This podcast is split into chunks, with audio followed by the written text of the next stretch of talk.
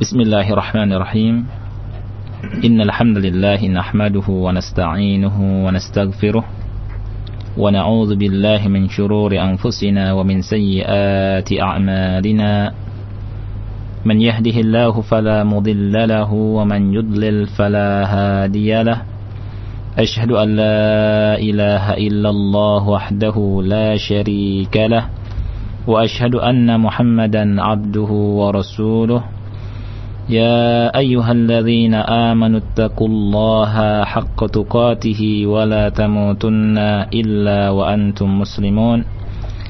يا أيها الناس اتقوا ربكم الذي خلقكم من نفس واحدة وخلق منها زوجها وبث منهما رجالا كثيرا ونساء. واتقوا الله الذي تساءلون به والأرحام. إن الله كان عليكم رقيبا. يا أيها الذين آمنوا اتقوا الله وقولوا قولا سديدا يصلح لكم أعمالكم ويغفر لكم ذنوبكم ومن يطع الله ورسوله فقد فاز فوزا عظيما. أما بعد فإن أصدق الحديث كتاب الله وخير الهدي هدي محمد صلى الله عليه وعلى آله وسلم. وشر الأمور محدثاتها فإن كل محدثة بدعة وكل بدعة ضلالة وكل ضلالة في النار ثم أما بعد Para pendengar radio Roja yang Allah muliakan dimanapun antum berada Pada sore hari ini seperti biasa di hari Senin Jam setengah lima kita akan membahas Kitab yang penuh dengan fawaid yang ditulis oleh Fadilatul Syekhi Al-Allamah Al-Faqih Al-Usuli Al-Syekh Muhammad Ibn Salih Al-Uthaymin rahimahullahu ta'ala yaitu kitab Mandumat Usul Al-Fiqhi wa Qawa'idihi. Dan kita sekarang masuk pada halaman yang ke-62 ya, sebagaimana dikatakan oleh Akhun Al-Fadil Al-Akh Umar bagi yang punya kitabnya bisa dilihat pada halaman yang ke-62 ya. lanjutan dari bait yang ke-18 baitnya Syekh berkata wa kullu mamnu'in falid darurati yubahu wal makruhu indal hajati yang artinya setiap hal yang dilarang oleh syariat maka akan e, dimubahkan tatkala adanya darurat, keadaan yang darurat. Begitu juga hal yang makruh dia jadi mubah tatkala adanya hajat. Tatkalanya ada e, tatkala ada kebutuhan untuk melakukannya. Pada halaman yang ke-62 e, dijelaskan oleh Syekh e, bagian yang kedua ya. Kalau dua pekan yang lalu saya menjelaskan tentang Jenis pertama yaitu kaidah ad-darurat tubihul al-mahdurat. Ad-darurat tubihul mahdurat bahwa darurat, hal yang darurat itu menghalalkan sesuatu yang diharamkan oleh Allah Subhanahu wa taala. Sekarang kita akan bahas tentang al-makruh indal hajah. Ya, kaidah bahwa hal yang makruh pun dimubahkan tatkala adanya hajat. Maksud dari perkataan beliau, beliau jelaskan sendiri oleh beliau, kata beliau, wal makruhu tubihuhu al hajatu. Ya, bahwa yang makruh itu dijadikan atau jadi boleh tatkala adanya hajat, ya. Kenapa demikian? Beliau berkata, "Lianna darajatal makruhi duna darajatil muharram." Karena derajat hal yang makruh itu di bawah derajat hal yang haram, hal yang diharamkan. Dan apa yang dimaksud dengan hal yang haram? Beliau katakan al-muharramu manhiyun anhu ala sabilil ilzami bitarki. Ya, bagi yang punya kitabnya bisa dilihat, kita sama-sama baca ya, supaya pemahamannya lebih dalam. Dan orang yang diharamkan uh, dan hal yang diharamkan itu adalah manhiyun anhu ala sabilil ilzami bitark. Artinya sesuatu yang dilarang dan tidak boleh dikerjakan ala sabilil ilzam. Artinya mesti dan harus untuk ditinggalkan. Ya. Ini arti dari sesuatu yang al muharram sesuatu yang haram. Ya.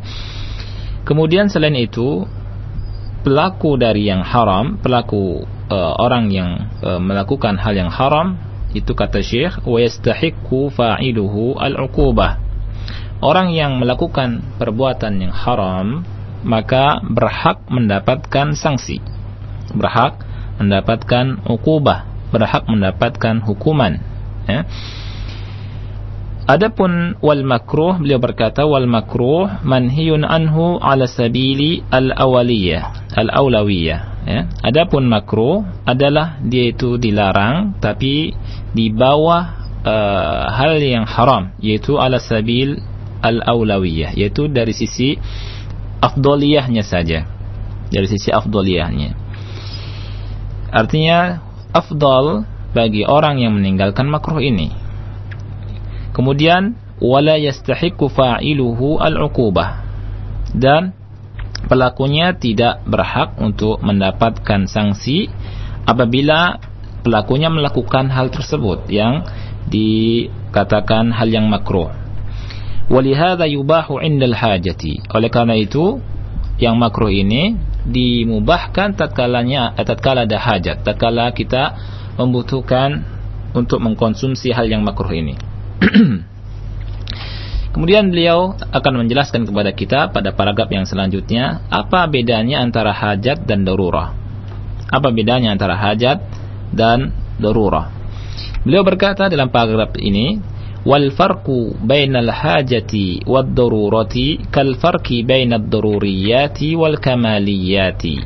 Ai أن الحاجة أدنى من الضرورة بمعنى أن الإنسان يكون محتاجا للشيء لكن لو فقده لم يتضرر Beliau berkata rahimahullah taala bahwa perbedaan antara hajat dan doruri perbedaan antara hajat dan darurah adalah seperti perbedaan antara doruriyat dan kamaliyat. Doruriyat ini hal-hal yang pokok, kebutuhan yang pokok, dan kamaliyat ini adalah sesuatu e, penyempurna. Eh? Kalau doruriyat sesuatu yang primer, kalau kamaliyat ada sesuatu yang penyempurna saja, sekunder dan seterusnya. Nah, e, maksudnya adalah hajat itu adna minat darurah. Kedudukannya lebih rendah atau di bawahnya kedudukan darurat. Ya.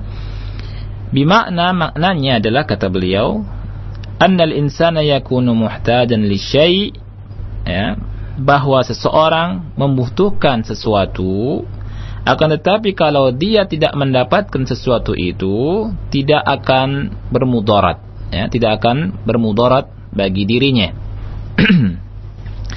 Kemudian wabil mithali yattadihu al-maqal. Ada istilah dengan contoh maka sebuah perkataan akan jelas. Beliau memberikan contoh kepada kita setelah memberikan perbedaan antara hajat dan nururat. Beliau contohkan, misaluhu, contohnya adalah insanun muhtajun ila thawbaini li daf'il bardi لكنه لو اقتصر على ثوب واحد لم يتضرر. فالثوب الثاني مع البرد يكون محتاجا إليه لكن لو فرضنا أنه لولا الثوب الثاني لهلك لو لو فرضنا أنه لولا الثوب الثاني لهلك لكان هذا ضرورة لكان هذا maaf ضرورة karena dia isim eh, khobar kana uh, contoh yang diberikan oleh Fadilatul Syekh Muhammad Ibn Salih Al-Utsaimin rahimahullahu taala perbedaan antara hajat dan darurat. Ini sangat menarik sekali. Dan pembahasan ini, ini contoh-contoh yang diberikan oleh Syekh Muhammad bin Shalih ini sangat menarik sekali dan dibutuhkan oleh kita untuk memahaminya dan ada faedah yang sangat baik sekali dan bagus sekali. Beliau contohkan ada seseorang yang e, membutuhkan dua pakaian untuk mengusir rasa dingin, cuaca dingin dan e, udara dingin. Ya. Misalkan akhuna uh, Umar pergi misalkan ke daerah dingin ya ke mana kan gitu kan ke tempat yang dingin ya kalau seandainya dia uh, cukup dengan uh, satu pakaian kemudian uh, tidak um, bermudarat tidak memudaratkan ya maka fathau busani maka pakaian yang kedua ma'al bardi dengan adanya cuaca yang dingin ini maka yakunu muhtajan ilaih. Dia hanya sekadar membutuhkan. Masih terasa dingin. Tetapi tidak membinasakannya. Ya, ini hajat. Ya, ini namanya hajat.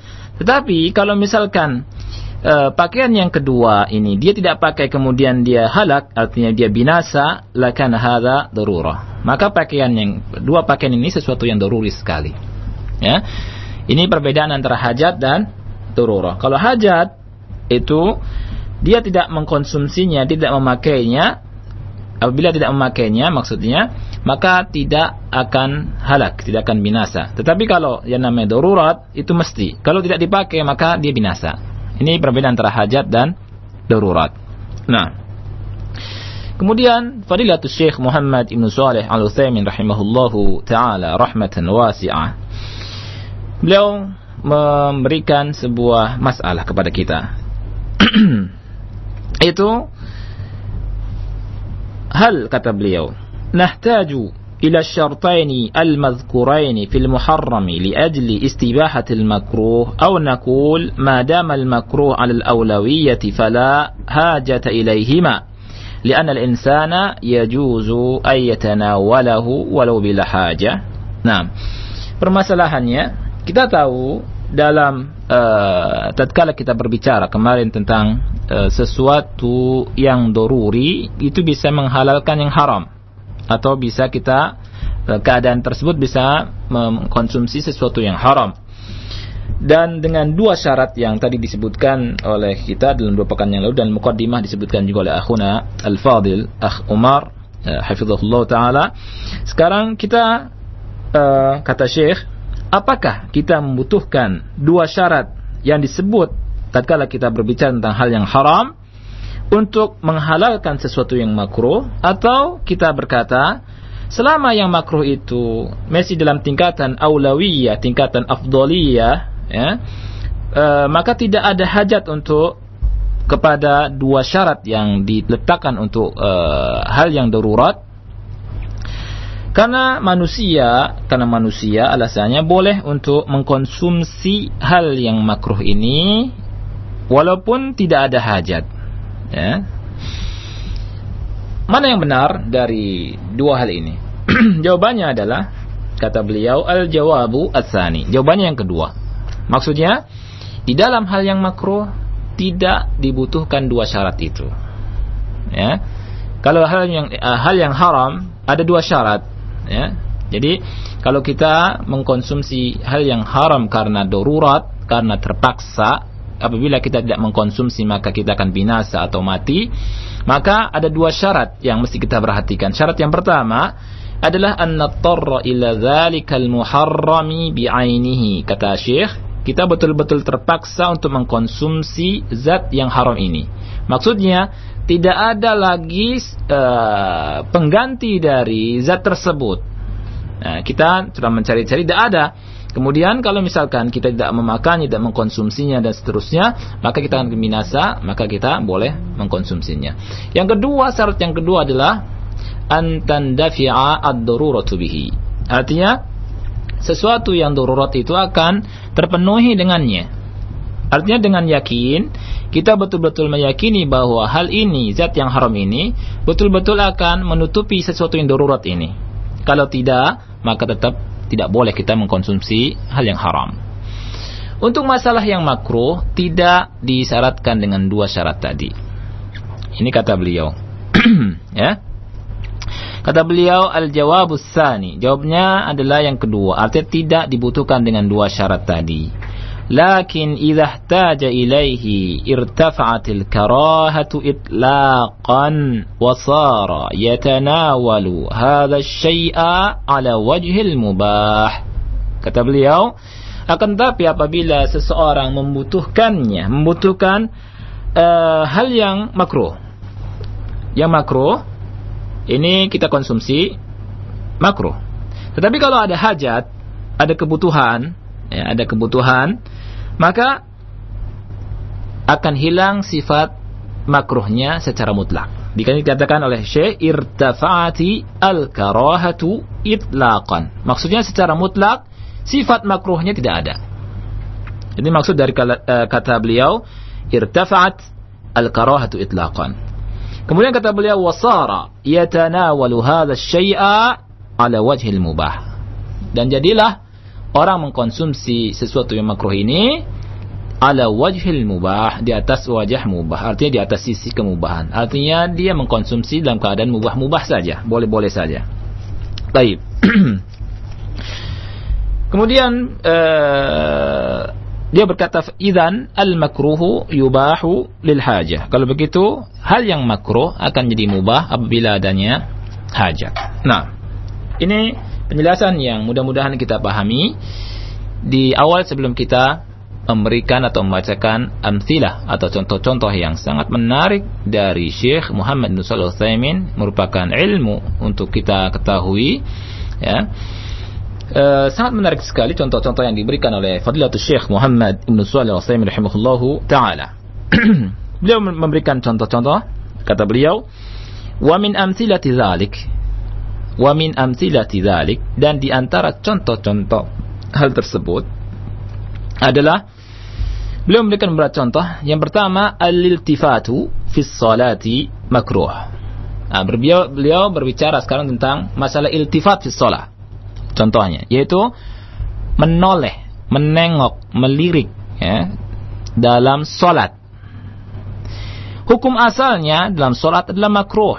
Apabila ada orang solat, kemudian dia tengok kanan, tengok kiri, ya, itu makruh hukumnya. Ya. Lakin akan tetapi kata beliau, ilaihi ubiha. Akan tetapi kalau dia membutuhkan untuk menengok waktu sholat, maka ini mubah saja. Mubah artinya boleh ya, menengok waktu sholat. Tetapi ingat, kalimatnya indal hajah. Saya ulangi, indal hajah. Tatkala adanya hajat, tatkala adanya kebutuhan di situ. Tetapi kalau tidak ada hajat, makruh hukumnya. Taib. Seperti bagaimana? Dia katakan kama law kana haulahu sabiyyun فالتفت خوفا على الصبي من أن يقع في حفرة أو ay yatanawala حارا أو ما أشبه ذلك. كتب beliau فهنا الالتفات جائز مع أن الأصل كراهة الالتفات في الصلاة لكن عند الحاجة لا بأس به. نعم. Beliau berkata seperti apabila di sekitarnya ada sobi ada anak kecil. Ada sobi ya ada anak kecil ya, ada kecil yang lucu, ya. Kemudian dia e, menoleh, artinya menengok karena khawatir terhadap anak kecil ini ya khawatir min an yaqa fi hufra dari e, terjatuh di dalam hufra. Hufra ini lubang ya, lubang. Nah dia khawatir kalau lagi sholat oh jangan-jangan ini anak lagi lagi jalan ini kalau tidak saya lihat bisa jatuh ke hufrah ini kan gitu bisa jatuh ke lubang Nah, ini musibah nanti kan. Maka saat itu boleh dia tengok. Nah, lihat anaknya obat lagi enggak jatuh ke lubang. Nah, seperti itu ya.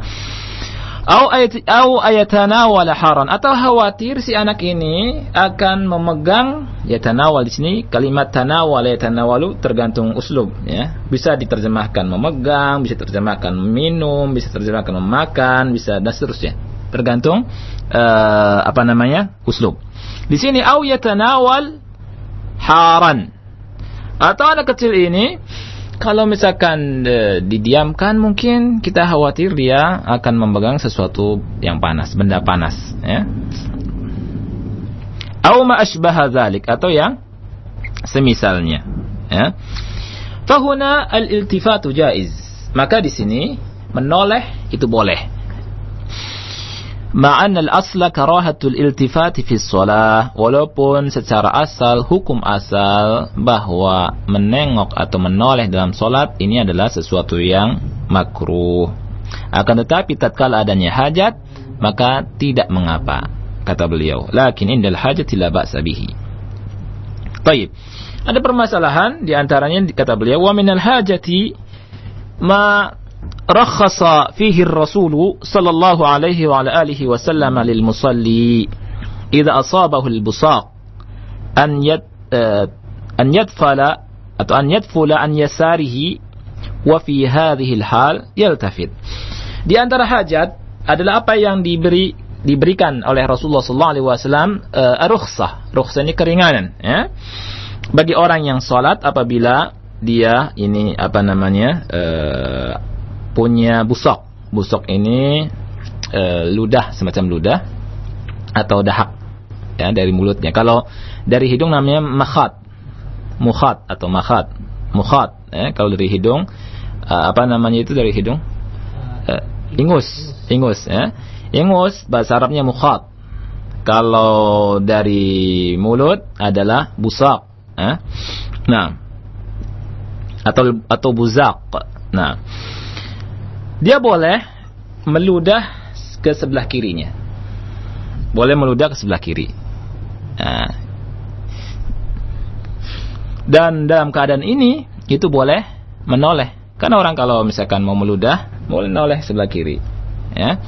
Ini bisa dilihat dalam uh, hadis uh, Bukhari dan Muslim dalam kitab Abu Abil Masajid dan Muslim dalam kitab Al-Masajid Mawadi As-Salat bab an-nahy 'anil busaqi fil masjid fi salati wa ghairiha.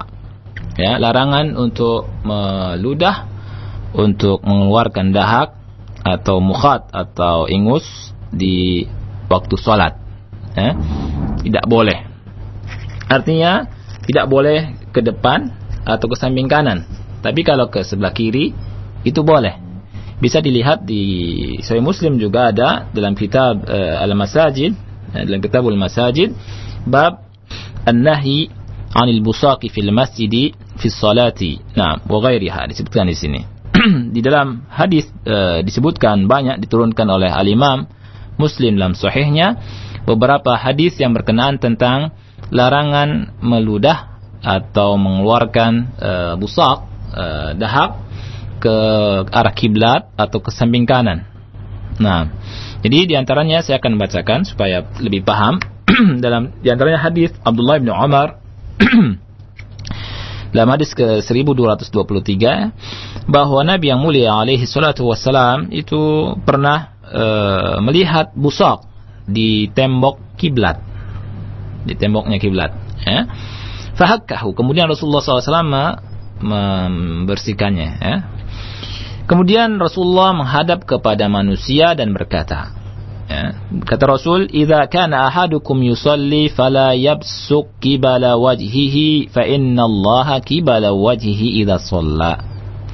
Apabila salah satu di antara kalian e, salat, maka janganlah meludah atau mengeluarkan dahaknya ke depan, artinya ke arah depan, ya. Karena Allah Subhanahu wa taala itu berada di arah depan kita apabila seseorang itu salat. Ini hadis larangan e, untuk meludah ke arah depan dan dan e, samping kanan. Nanti ada di samping kanan ya. Adalah e, seperti hadis Rasulullah sallallahu alaihi wasallam ya yang disabdakan dalam e, Sahih Muslim dari Abu Hurairah radhiyallahu anhu ya dalam kata Rasulullah sallallahu alaihi wa alihi wasallam Kata Rasulullah sallallahu alaihi wasallam, tatkala Rasulullah melihat nukhamah, nukhamah ya. E, nukhamah ini sama sejenis busok ya. Kata Rasul sallallahu alaihi wasallam tatkala melihat nukhamah artinya air apa? tadi apa dahak dahak sama ingus ya di kiblat masjid Rasulullah wasallam menghadap kepada manusia artinya berbicara di depan manusia berkata, "Ma balu ahadikum yakumu mustaqbila rabbih fayatanakha'u amamahu." Ya. Kenapa salah satu di antara kalian dia itu berdiri menghadap Robnya, menghadap kiblat, menghadap Robnya, kemudian mengeluarkan nukha, mengeluarkan uh, dahak di depannya. Kemudian kata beliau, ayuhibbu ahadukum an yustaqbala fayutanakha'a fi wajhihi? Apakah salah satu di antara kalian suka atau senang ya? Dihadapi di depan di depannya itu kemudian ada orang yang mengeluarkan dahak di depannya?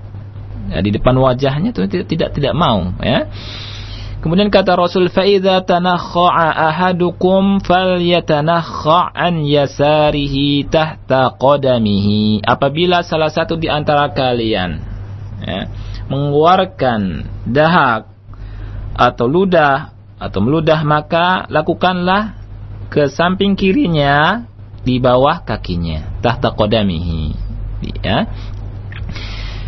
Fa in lam yajid falyakul hakadha. Apabila tidak mendapatkannya, artinya tidak mendapatkan tidak bisa membuang dahaknya, falyakul hakadha. Falyakul hakadha apa maksudnya?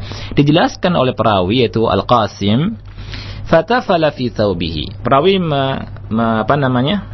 meludahkan meludahkan di pakaiannya, di pakaiannya Kemudian summa masaha ba'dahu ala ba'd. Kemudian dikucek antara satu dengan yang lainnya di nah itu.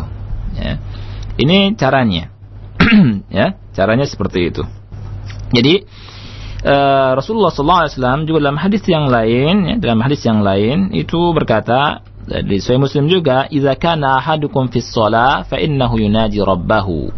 Apabila salah satu di antara kalian sedang sholat, maka sesungguhnya sedang bermunajat kepada Robnya, fala yabzuqanna baina yadayhi wala an yaminihi. Oleh karena itu jangan mengeluarkan dahak di depan atau sebelah kanan, tetapi sebelah walakin an shimalihi tahta qadamihi. Akan tetapi sebelah kiri di bawah kodamnya, di bawah kakinya. Nah, dan ini adalah sebuah uh, hal yang mesti kita ketahui ya, hal yang mesti kita ketahui bahwa mengeluarkan dak nggak nggak boleh di masjid ya dan apabila ada orang yang uh, meludah di masjid maka kafaratnya kata Rasulullah sallallahu alaihi wasallam adalah dafnuha menguburkannya. Menguburkannya. Dan tentang masalah meludah ini ya itu kita tahu pada zaman Nabi sallallahu alaihi wasallam itu tanah ya tidak? Tanah. Nah, sehingga kalau meludah langsung bisa di eh, dihapus dan ditutupin dengan tanah tersebut dan hilang. Ya. Untuk zaman sekarang untuk sekarang ini kalau tanah seperti itu buat ya kita lakukan. Kalau meludahkan gitu. Juga juga juga lihat-lihat. Di samping kiri, kiri kita ada orang atau tidak dan seterusnya uh, kalau zaman sekarang uh, kalau yang tidak pakai tanah itu bisa dengan dengan uh, tisu. Ya. Jadi siapkan kantong yang lebar sebelah kiri misalkan. Kantong sebelah kanan untuk tisu wadahnya kan gitu. Kemudian ambil tisunya kalau meludah Nah, kemudian uh, dikasih ke tisu, kemudian taruh di kantong sebelah kiri. Nah ini, ya, ini mesti diperhatikan. Loh kok Ustaz di sholat kok meludah sih, kan gitu? Ya ini hukum, ya tidak?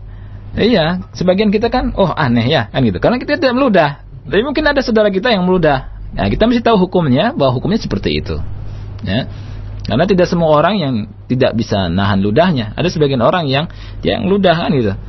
Hukumnya seperti ini pakai tisu, taruh, udah taruh, tapi menoleh sebelah kiri. Ya, jangan ke depan, jangan ke samping kanan, tapi noleh ke sebelah kiri. Nah, ini sunnahnya, ya.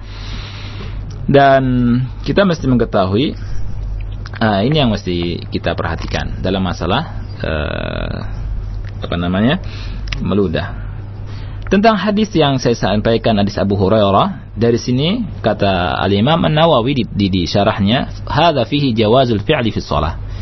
E, di sini kita mendapatkan e, pengetahuan dari hadis ini bahwa boleh bergerak waktu sholat. Boleh bergerak waktu sholat. Karena ada malhab, sebagian malhab yang e, nggak boleh bergerak waktu sholat. Artinya kalau ada hajat ya. Tapi kalau misalkan tidak ada hajat, Nah, kita bergerak sana kemari dan seterusnya dan seterusnya ini nggak boleh. Nah, jadi ini yang mesti diperhatikan. Ada waktu 5 menit lagi atau 10 menit lagi ya. Nah, Uh, kita lanjutkan lihat uh, para pendengar yang Allah muliakan di halaman yang ke-63 kita lanjutkan di kitab uh, Mandumat Usul al-Fiqh wa Qawaidihi uh, Syekh Muhammad Ibn Salih Al-Utsaimin rahimahullahu taala berkata الحركة اليسيرة في الصلاة بغير مصلحتها تباح إذا احتاج إليها كحمل النبي صلى الله عليه وعلى آله وسلم أمامة بنت أمامة بنت زينب رضي الله عنهما في الصلاة ووضعها عند السجود Nah, uh, gerak yang uh, ringan, artinya bergerak yang ringan, ya, di waktu sholat untuk bukan kemaslahatan sholat, apabila dibutuhkan, apabila ada hajat, itu boleh. Dia katakan, Syekh berkata, tubahu idah taja ilaiha. Apabila dibutuhkan untuk melakukannya, maka ini mubah, tubah. Ya. Apa dalilnya? Dasarnya apa? Ya. Dasarnya adalah seperti Nabi yang mulia alaihissalatu wassalam pernah menggendong Umamah, mem mem membopong ya. Menggendong Umamah binti Zainab. Ya. Binti Zainab Umamah binti Zainab radhiyallahu anhuma waktu salat. Kemudian tatkala ruku dan sujud Rasulullah meletakkan Umamah waktu Umamah masih masih kecil ya. Dan diletakkan oleh Rasul. Waktu Rasulullah bangkit dari sholat, diambil lagi, dipeluk, digendong. Ya, seperti itu. Ini dalil kan e, dari sini kita mengetahui ada gerakan yang bukan untuk kemaslahatan sholat, ya, tetapi boleh. Oleh karena itu, bagi siapa saja apa e, seorang tua begitu adalah ummahat atau al-aba ya yang punya anak kecil kalau misalkan nangis terus waktunya masih sholat kita kalau misalkan tidak habis waktunya kita sholat dengan gendong anak anak kita. Kemudian waktu ruku dan sujud letakkan ya biar nangis terus sholat kemudian eh, lakukan waktu berdiri gendong lagi nah, ini mesti diketahui dan ini merupakan hal yang eh, bagus ya satu masalah lagi satu masalah lagi uh, wa minha di antaranya contohnya ya Lau kana fi salati naflin wa nudiya. Kalau seseorang waktu salat sunnah, di salat nafal.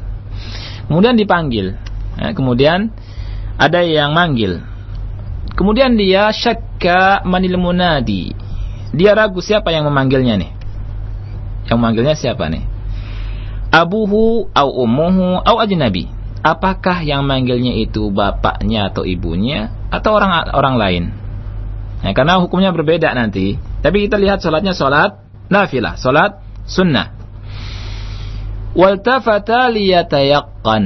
Kemudian dia melirik, menoleh, menengok untuk mendapatkan keyakinan. Apakah yang manggilnya ibunya atau bapaknya atau orang lain?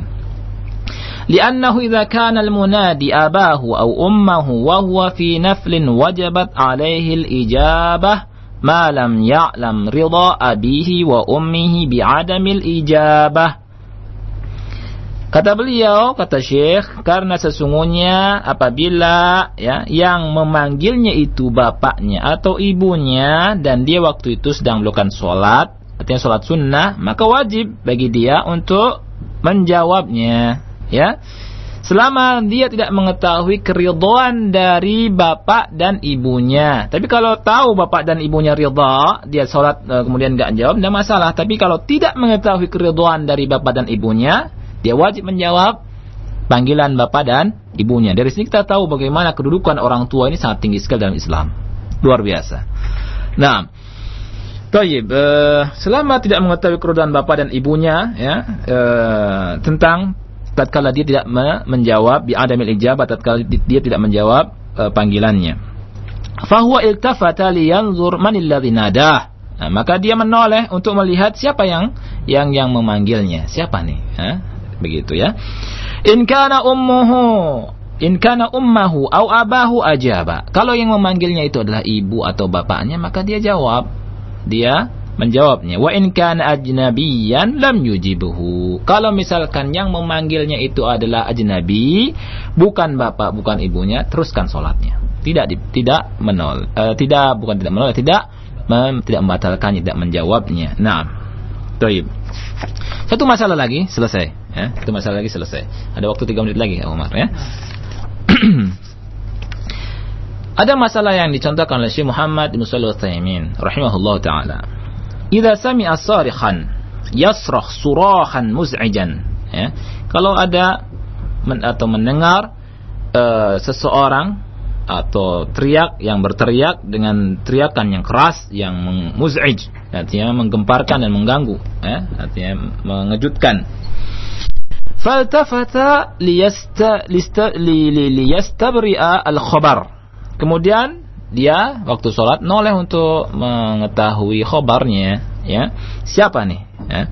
Siapa atau apakah betul-betul ter, uh, teriakannya itu uh, membutuhkan pertolongan atau tidak uh, teriak yang histeris dan seterusnya ya hal hadha daruratun au hajatun apakah hal ini hal yang darurat atau hajat nah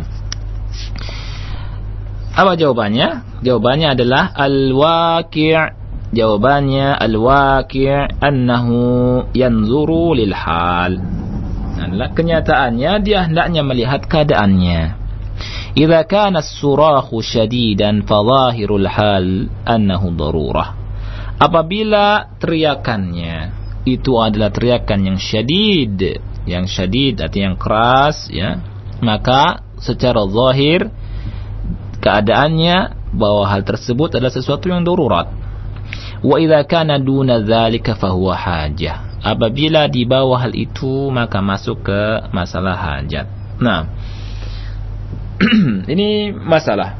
Jadi masalah tentang uh, surah.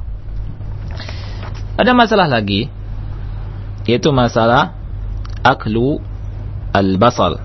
Masalah memakan bawang bagi orang yang liman yahdurul masjida bagi orang yang menghadiri masjid. Zakarul ulama kata Syekh Muhammad ulama menyebutkan annahu makruh bahwa hal tersebut adalah makruh. Lakin law ihtaja ilaihi wa akal. Akan tetapi kalau dia membutuhkannya kemudian memakan fayajuzu akluhu wa yakunu mubahan. Maka boleh dimakan dan hal itu menjadi sesuatu yang mubah. Ala anna ba'd ahli ilmi bahwa sebagian uh, ahli ilmi berkata innahu lakarahata fi akli al-basal lianna as-sahabata radhiyallahu anhum lamma fatahu khaybar wa saru ya'kulunaha. Nahum an-nabiy sallallahu alaihi wasallam an ya'kuluha ma'a huduril jamaah sebagian ulama mengatakan tidak makruh ya memakan e, bawang karena para sahabat Rasulullah sallallahu alaihi wasallam tatkala membuka Khaybar mereka memakannya. Dan Nabi sallallahu alaihi wasallam melarang mereka untuk memakan e, bawang tatkala hadir di salat jamaah kemudian mereka bertanya kepada Nabi innaha hurimat apakah hal itu diharamkan Nabi SAW berkata innahu laisa li tahrim ma ahlallah sesungguhnya tidak ada hak tidak tidak ada hak bagiku untuk mengharamkan apa yang Allah halalkan ya akan tetapi kata beliau, lakin idza akhadna bil qawli bil karahati fa innahu 'indal hajati tazulu al karaha. Ini ada dua pendapat ya tentang masalah memakan bawang apakah makruh dan tidak. Tetapi kalau misalkan kita mengambil pendapat yang makruh, maka e, tatkala ada hajat tentunya dibolehkan kita mengkonsumsinya. Wallahu a'lam Mungkin sampai sini ah uh, Umar ya. Kita buka tanya jawab ya karena waktunya untuk tanya jawab. Dan insya Allah kita lanjutkan pekan depan. Nah, Ustaz. Jazakumullahu khairan atas materi yang telah antum sampaikan Ustaz di sore hari ini. Dan banyak sekali contoh-contoh yang memahamkan kita dalam kaidah yang telah disebutkan oleh beliau tentang perkara yang membahas bait ke-18 ini. Dan banyak juga uh, pendengar kita yang menanyakan lebih dalam tentang contoh-contoh tersebut. Mungkin bisa antum jawab Ustaz dari perkara-perkara yang ditanyakan oleh para pendengar kita. Nah, tapi sebelum kita lanjutkan ke sisi soal jawab, Ustaz, kita akan jeda terlebih dahulu, Ustaz, oh iya. beberapa saat ke depan. Dan setelah itu kita akan lanjutkan. Baik, para pendengar semua, untuk Anda yang bertanya, Anda bisa nanti hubungi kami di layanan telepon kami di 8236543 ataupun Anda yang ingin bertanya melalui pesan singkat, Anda bisa menghubungi di 0819896543. Dan untuk sementara kami akan jeda terlebih dahulu. Nurun minal Qur'an قال الله تعالى أعوذ بالله من الشيطان الرجيم. كل نفس ذائقة الموت وإنما توفون أجوركم يوم القيامة فمن زحزح عن النار وأدخل الجنة فقد فاز. وما الحياة الدنيا إلا متاع الغرور نور من القرآن قال الله تعالى أعوذ بالله من الشيطان الرجيم كل نفس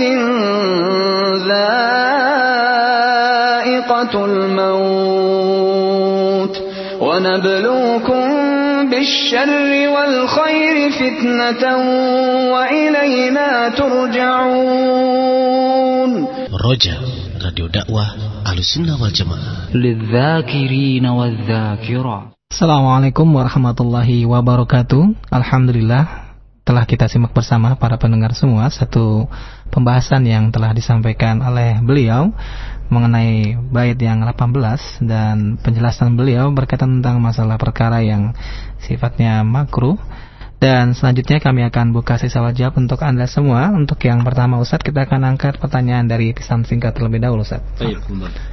Yang pertama Ustadz, Assalamualaikum warahmatullahi wabarakatuh. Waalaikumsalam warahmatullahi wabarakatuh. Barakallahu fiik Ustaz. Wa fika barakallah. Dari Abdullah di Keranji, beliau bertanya, apakah dua kaidah ini bisa diterapkan dalam berdakwah Ustaz? Nah, silakan Ustaz. Uh, baik. Apakah kaidah ini bisa diterapkan dalam berdakwah? Tentunya kaidah ini umum, masuk dalam kaidah Islam, di antara kaidah yang azimah. Ya. Tetapi pertanyaannya itu mesti jelas lagi. Ya dalam berdakwah dalam hal apa? Karena masalah dakwah ikhwati fillah itu manahij dakwah tauqifiyah. Manhaj manhaj dakwah itu tauqifiyah. Adapun wasail dakwah wasilah-wasilah dalam kita berdakwah itu adalah eh, kita dilihat eh, wasail yang bisa eh, dilakukan. Kalau dari sisi manhaj dakwah itu adalah kita mesti mencontoh Nabi yang mulia alaihi salatu wasalam Ya. Nabi sallallahu alaihi wasallam uh, Allah taala berfirman kepada Nabi yang mulia sallallahu wasallam, "Qul hadhihi sabili ad'u ila Allah ala basiratin ana wa man ittaba'ani wa subhanallahi wa ma ana wa ma ana minal musyrikin."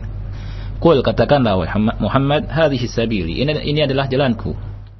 Ad'u ila Allah, aku berdakwah mengajak manusia kepada Allah Jalla wa Ala, mentauhidkan Allah Subhanahu wa taala, mentaati Allah Jalla wa Ala ala basiratin di atas, di atas ilmu.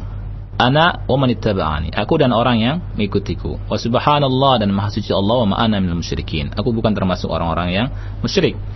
Adapun wasail dakwah wasilah-wasilah dakwah ada yang wasilah yang wajib ada yang uh, sunnah dan ada yang mubah.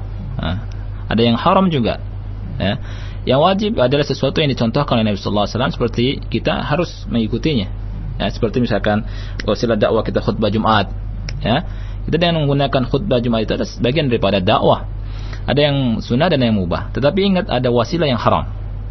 Wasilah yang haram itu tidak boleh. Wasilah yang haram itu tidak boleh. Seperti dakwah dengan musik dakwah tidak musik dakwah dengan musik tidak ada hal yang daruri dalam, dalam masalah ini. Ya? jadi eh, sebagian orang eh, nggak apa-apa lah dakwah dengan musik tidak ya akhi, sesuatu yang darurat itu ada dua syarat. Ya. Syaratnya kita bisa menggunakan cara lain dalam berdakwah. Ya. Menggunakan dakwah dengan nyanyian, musik dan seterusnya seperti yang dilakukan oleh sebagian uh, orang, ini bukan masalah hal yang darurat. Karena memungkinkan kita menggunakan cara lain. Kalau kaidah kita ini terapkan. Ya. Karena apa? Sesuatu yang darurat bisa menjadikan sesuatu yang haram jadi mubah, itu syarat yang pertama apa? Anna tarra ila dzalikal muharrami bi'ainihi. Kita betul-betul terpaksa untuk menggunakan zat yang haram ini. Tetapi kalau dengan musik kita berdakwah, karena misalkan ya ada orang yang tidak tersentuh dakwah kecuali dengan musik misalnya gitu ya. Eh, oleh karena itu kita bikin musik, musik dakwah namanya. Eh? Anak muda yang suka gandrung musik saat ya. iya, ya dengan musik dakwah. Ini tidak benar. Ini nggak benar karena masih ada wasilah lain. Ya, wasilah lain yang kita gunakan, cara lain yang kita gunakan. Ya, dalam berdakwah tidak menggunakan yang haram. Ya, tidak menggunakan dengan yang haram. Ya, ini bisa diperhatikan karena tidak semua cara digunakan dalam masalah dakwah. Mesti mengikuti manhaj tariqah Nabi yang mulia alaihi salatu. Tetapi kaidah ini, kaidah ini, kaidah dalam masalah umum. Kaidah masalah umum, masalah uh, umum ya. Jadi kalau masalah dakwah masih ada kita bisa menasihati dengan cara-cara yang lain. Ya, wallahu a'lam. Nah. Nah. Baik, dan mungkin juga saya termasuk juga uh, Iya. tidak bisa dipergunakan kaidah ini ketika orang yang berpendapat kita ingin mendakwahi mereka, lalu kita terjun ke dalam uh, kegiatan mereka misalnya seperti ikut maulidan, maksudnya Iya. tujuan untuk menasihati mereka. Ustaz. Ah, betul. Nah, apakah kaidah ini juga berlaku seperti itu? Ustaz? Tidak, tidak berlaku. Ah, ada memang pendapat ya, ini bukan pendapat ulama. Ah, Artinya orang untuk apa namanya kita ikutan dulu deh kan gitu kan. Kita ikut bid'ahnya dan seterusnya. Ini nggak benar. Nggak benarnya dari banyak sisi. Ya. Yang pertama, kita melakukan maksiat di situ. Sedangkan tatkala orang melakukan maksiat di sebuah tempat, perintah Allah Subhanahu wa taala adalah kita untuk menjauhinya. Menjauhi tempat tersebut. Ya. Yang kedua, kita mengiyakan, tidak mendakwahkan. Kemudian pelan katanya pelan-pelan. Sampai kapan pelan-pelan? Eh? Kalau antum mati duluan di situ gimana? Ya, mati duluan kemudian apa namanya? Bid'ah ya. terus bahkan nanti kalau antum meninggal di situ terus eh, wah ustadz ini nih ya masya Allah sunnah juga membolehkan kita seperti ini hadir dan seterusnya lulusan Madinah gitu Ustaz, ya. Ah, lulusan Madinah doktor lagi ini musibah eh? nah taib Nah, Ustaz. iya. Nah, Baik Ustaz, Jazakallah khairan. Terima Iya. kasih atas jawaban yang antum berikan Ustaz. Dan selanjutnya kita angkat kembali pertanyaan kedua dari pesan singkat. Assalamualaikum warahmatullahi wabarakatuh Ustaz. Dari hamba Allah warahmatullahi wabarakatuh dari hamba Allah di Depok, Ustaz saya termasuk orang yang sering berdahak. Sebelumnya saya belum mengetahui hukum meludah pada sholat yang sudah dijelaskan tadi, Iya. sehingga saya terkadang menelannya, Ustaz. Apakah saya boleh? Apakah hal ini dibolehkan, Ustaz? Silakan. Ya. Ustaz. Eh, menelan ludah itu jangan akhi. Ya. Dan ke, menelan apa tadi dahak gitu eh, kotoran. Artinya dibuang dipakai apa tisu aja. Tisu antum sediakan tisunya kemudian diludahkan atau noleh sebelah kiri ludahkan ma- masukkan ke kantong antum lagi. Nah Allah alam bisawab nah Dan eh, pertanyaan yang semana, Ustaz, mungkin melanjutkan yang tadi antum jawab, Ustaz. iya Eh, bagaimana kalau seandainya keadaannya tidak memiliki tisu saat saat itu mungkin Ah, eh, dia sedang iya. sholat lalu Iya. bersin dan mengeluarkan dahak Mm-mm. dan tidak menyiapkan tisu apakah Iya. boleh mengulumnya selama sholat atau memainkannya dalam sholat arti tidak ditelan tapi ditahan dalam mulut Ustaz? apakah dibolehkan Ah iya, jangan jadi tahan. Tadi seperti hadis tadi, hadis yang saya bacakan ya. Hadis yang saya bacakan boleh antum eh, dengan pakaian antum ya seperti Al-Qasim waktu Nabi yang mulia alaihi salatu wasalam ya kan eh, mem- apa namanya melarang untuk meludah ke depan ya melarang orang yang meludah ke depan. Kemudian Nabi SAW apabila seseorang tidak mendapatkan sesuatu falyakul hakadha falyakul hakadha lakukanlah seperti ini ya. Kemudian dijelaskan oleh Al-Qasim didudahkan di eh, pakaiannya kemudian dikucek ya dikucek seperti itu. Tapi habis itu antum cuci ya. Nanti bau soalnya. Nah. Nah Ustaz. Baik. Baik terima kasih atas jawabannya Ustaz. Iya. Jazakallah khairan. Dan baik. Dan selanjutnya kami angkat kembali pertanyaan yang ketiga dari pesan singkat.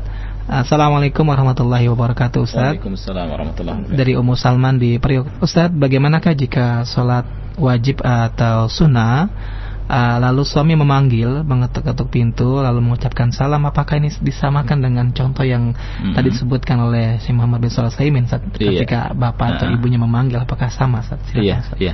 Kalau suami enggak, ya. Ini yang dicontohkan oleh Syekh Muhammad SAW adalah bapak dan ibunya.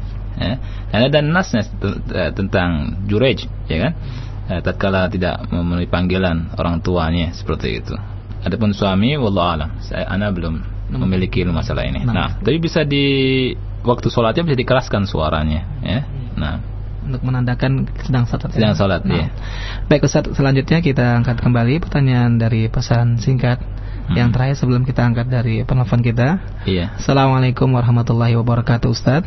Assalamualaikum warahmatullahi wabarakatuh. Ustaz, apabila anak yang awalnya dia menangis lalu digendong, Hmm. lalu ketika kita turun, eh, kita hendak ruku dan sujud, lalu Iya. kita turunkan dia, Heeh. tapi ketika dia turun dia tidak menangis lagi, Iya. apakah ketika kita berdiri kita tetap menggendongnya atau dibiarkan saja? Ustaz? Ah, Silakan. iya, Ustaz. iya, iya. Ya, bisa dua-duanya, bisa antum gendong lagi, bisa dibiarkan, ya. Ya, bisa dua-duanya, bisa digendong lagi, bisa biarkan. Karena Nabi yang mulia Sallallahu Wasallam ada keterangan Umamah di situ juga menangis, ya. Jadi bisa lakukan hal tersebut, ya. Jadi ter- terlihat dari maslahat dan mudaratnya juga di sini, ya. Allahu a'lam bishawab. Nah, Nah, Ustaz. Baik Ustaz, kita angkat pertanyaan dari penelpon kita Ustaz. Nah. Yang pertama dari Bu Lena di Jatimulya. Halo. Halo, Assalamuikum. Waalaikumsalam warahmatullahi wabarakatuh. Silakan Ibu. Uh, saya bertanya Pak uh, mengenai sholat. Uh, kan selalu uh, eh, lagi sholat tuh kadang-kadang suka ada sisa makanan tuh Pak. Hmm. Ya, terus kita keluarkan begitu gimana Pak? Iya. Iya. Terima kasih. Iya, Assalamualaikum. makasih. Waalaikumsalam warahmatullahi wabarakatuh. Nah, eh, ini juga sering sekali ya dan eh, sesuatu yang wakil pertanyaan yang bagus sekali ya dari ibu tadi karena orang biasanya habis makan ya kan masih ada yang sisa-sisa makanan di, di, di, di mulutnya ya apa satu nasi dan seterusnya dan seterusnya ini jangan ditelan tapi dikeluarkan dikeluarkan dan eh, tadi sediakan tisu atau taruh di kantong ya taruh di kantong ini yang bisa dilakukan seperti itu karena kalau makan waktu sholat maka hukumnya batal ya Allah alam bisawab. nah Nah. Baik Ustaz, kita angkat kembali pertanyaan dari penelpon kita di Jatinegara dengan Abu Abu Rara. Halo. Halo, Assalamualaikum. Waalaikumsalam warahmatullahi wabarakatuh. Silakan, Pak. Ustaz uh, Afwan baru uh, ikutan. Anda mau silakan. tanya mengenai ini, adabnya kalau kita merasa terganggu ketika sholat itu kan uh, kita membaca taus kemudian meludah kecil dua kali ke kiri Ustaz ya. hmm, iya Itu uh, adabnya seperti apa? ya? Maksudnya ketika anak lakukan, anak takut mengga- uh, mengganggu yang sebelah kirinya gitu. Jadi biasanya anak tunggu ketika mau ruku atau mau sujud, uh, tidak gitu, saya, anak ludah ke kiri gitu. Ustaz. Hmm. Ah. Jadi adab-adabnya itu seperti apa Ustaz? Ya, cukup, iya. Pak. Terima kasih, Cukup. Pak. Ya. Afwan. Iya. Waalaikumsalam warahmatullahi wabarakatuh. Iya. Silakan, Ustaz. Ya, maksud di situ meludahnya tidak meludah besar, artinya kecil saja. Ya, adabnya ya, seperti yang anda sebutkan sebelah kiri, gitu, ya. Artinya meludah, eh, ludah eh, tidak tidak banyak air ludahnya, seperti itu. Ah, tidak tidak dengan ludah. Mungkin dengan apa? Eh? Seperti Kayak nafas gitu ya. Nafas ya. Eh, seperti, ya. iya seperti itu. Ah. Baik, eh, kita angkat kembali Ustaz dari pendengar Nah. kita. Halo. Assalamualaikum. Waalaikumsalam warahmatullahi Dengan siapa, Pak? Ustaz, dengan Pak Haji Deni, Di mana? Jakarta. Ya, silakan. Ah, begini Ustaz, Iya. Ah, saya ini ah, masjid eh maksud saya anak kecil anak kecil Ustaz. Ada nggak tuh? Musnad sunat anak kecil, waktu kecil belum sunat. anak kecil anak bawa anak kecil anak muslat. Betul nggak? Kenapa? Betul nggak anak anak kecil boleh nggak saya sholat Jumat nih? Mm-mm. Bawa anak kecil. Oh, waktu sholat Jumat bawa anak kecil. Oh iya ya paham ya. Iya, Iya, Paham, paham? Iya ya, Iya, makasih. Pak ya. Waalaikumsalam warahmatullahi wabarakatuh. Silakan Ustaz. Iya. Bawa anak kecil waktu sholat Jumat belum sunat nggak apa-apa boleh ya. Nggak ada larangannya di situ. Memang ada yang orang yang mengatakan itu najis, nggak, tapi nggak nggak benar itu ya, karena eh, kan eh, dicebok sama orang tuanya ya, Artinya, atau eh, dia dia dia najisnya di dalam ya seperti itu. Walaupun misalnya ada najis yang dikatakan ada najis, tapi yang jelas itu dia mengetahui mengetahui ada najis atau tidak dari mana? Ya tidak. Memang ada yang berkata seperti itu karena yang belum disunat ada najisnya. Ya yang sudah disunat juga mungkin ada najisnya ya akhi. Kan gitu. Nah. Nah, jadi eh, perlu diperhatikan itu pendapat yang eh, eh, daif ya, yang lemah. Wallahu a'lam bishawab. Nah, Mm. bukan syarat dalam sholat mungkin Ustaz ya. Iya dan anak kecil juga kan belum wajib sholat Nah. di situ, ya tidak? Nah. Belum wajib sholat, kemudian juga dia di situ tidak eh, nempel-nempel najisnya ke masjid, tidak nempel ke mana, kan dia pakai celana juga kan gitu, Nah. seperti itu. Nah, Nah. Allah. Baik. Kita angkat kembali Ustaz dari pendengar kita. Halo. Waalaikumsalam warahmatullahi wabarakatuh. Dengan siapa dan di mana nih, Okti? Ini dari Sarif. Di mana? Eh, di Ciledug. Iya, silakan. Eh, Assalamualaikum Pak Ustaz. Waalaikumsalam warahmatullah. Dalam sholat, eh, boleh kan eh, misalnya pakaian kita, eh, pakaian sholat kita yang sarung gitu ya, itu eh, ter- terperosot gitu loh. Nah itu kita gerak-gerakan itu apakah batal atau Pak Ustaz? dan juga eh, terkadang untuk kita tuh eh, agak keluar gitu, itu bagaimana? Apanya agak keluar? Eh, rambut gitu. Hmm. Nah, Itu saja. Iya. baik. Terima kasih. Waalaikumsalam warahmatullahi. Silakan Ustaz. Baik, untuk seorang wanita dalam sholat perhatikan auratnya. Ya, perhatikan auratnya dijaga semaksimal mungkin karena eh, Allah Subhanahu wa taala dan le- lewat lisan Rasulnya yang mulia alaihi salatu wassalam bersabda bahwasanya Allah tidak menerima sholat seorang yang sudah haid kecuali pakai khimar, pakai kerudung, ya. Oleh karena itu dijaga. Adapun tadi pertanyaannya adalah tentang masalah menggoyang-goyangkan sarung kalau pakai sarung kemudian lorot dan seterusnya apakah itu boleh? Itu boleh. Ya. Itu boleh karena gerakannya ada hajat. Kita ingat kaidahnya wal makruhu indal hajati. Wal makruhu indal hajati. Ulang-ulang ya. Ulang-ulang lima kali nggak apa-apa. Makruh tatkala ada hajat, ada kebutuhan itu yubah dibolehkan. Ya. Waktu mau melorot kemudian tangan kita pegang ya pegang eh, sarungnya supaya tidak melorot kemudian kencengin lagi itu nggak apa-apa Allah alam bisawab. nah Nah, Ustaz. Baik, Ustaz, kita angkat kembali pertanyaan dari pendengar kita di Pondok Kelapa dengan Abu Faujan. Halo. Assalamualaikum. Waalaikumsalam warahmatullahi wabarakatuh. Silakan, Pak. Ini menanyakan mengenai sholat Pak Ustaz. Silakan, Sholat eh, Badiah. Jadi Alhamdulillah tempat saya, eh, rumah saya dekat dengan masjid. Hmm. Jadi eh, mana yang utama kita ikut takbiratul ikram dengan imam atau Iya. kita sholat eh, sunat dulu di rumah baru kita ke masjid. nah Kadang-kadang eh, sempat saya sholat sunat, cuma kadang-kadang sedang eh, di rakaat akhir sudah komat gitu. Nah, Hmm. mana yang utama gitu Pak Ustaz. nah Terima Iya, kasih. cukup. Assalamualaikum warahmatullahi Waalaikumsalam warahmatullahi wabarakatuh. Silakan. Allah alam bisawab. Eh, yang utama adalah ikut takbiratul ihram dengan imam ya Taib. Kaidahnya bagaimana? Atau saya sudah bahas kaidah ini. Kaidahnya apabila tazaham eh, al-maslahatan, adanya dua maslahat yang eh, berdesakan, eh, maka kita lihat mana yang lebih tinggi kemaslahatannya.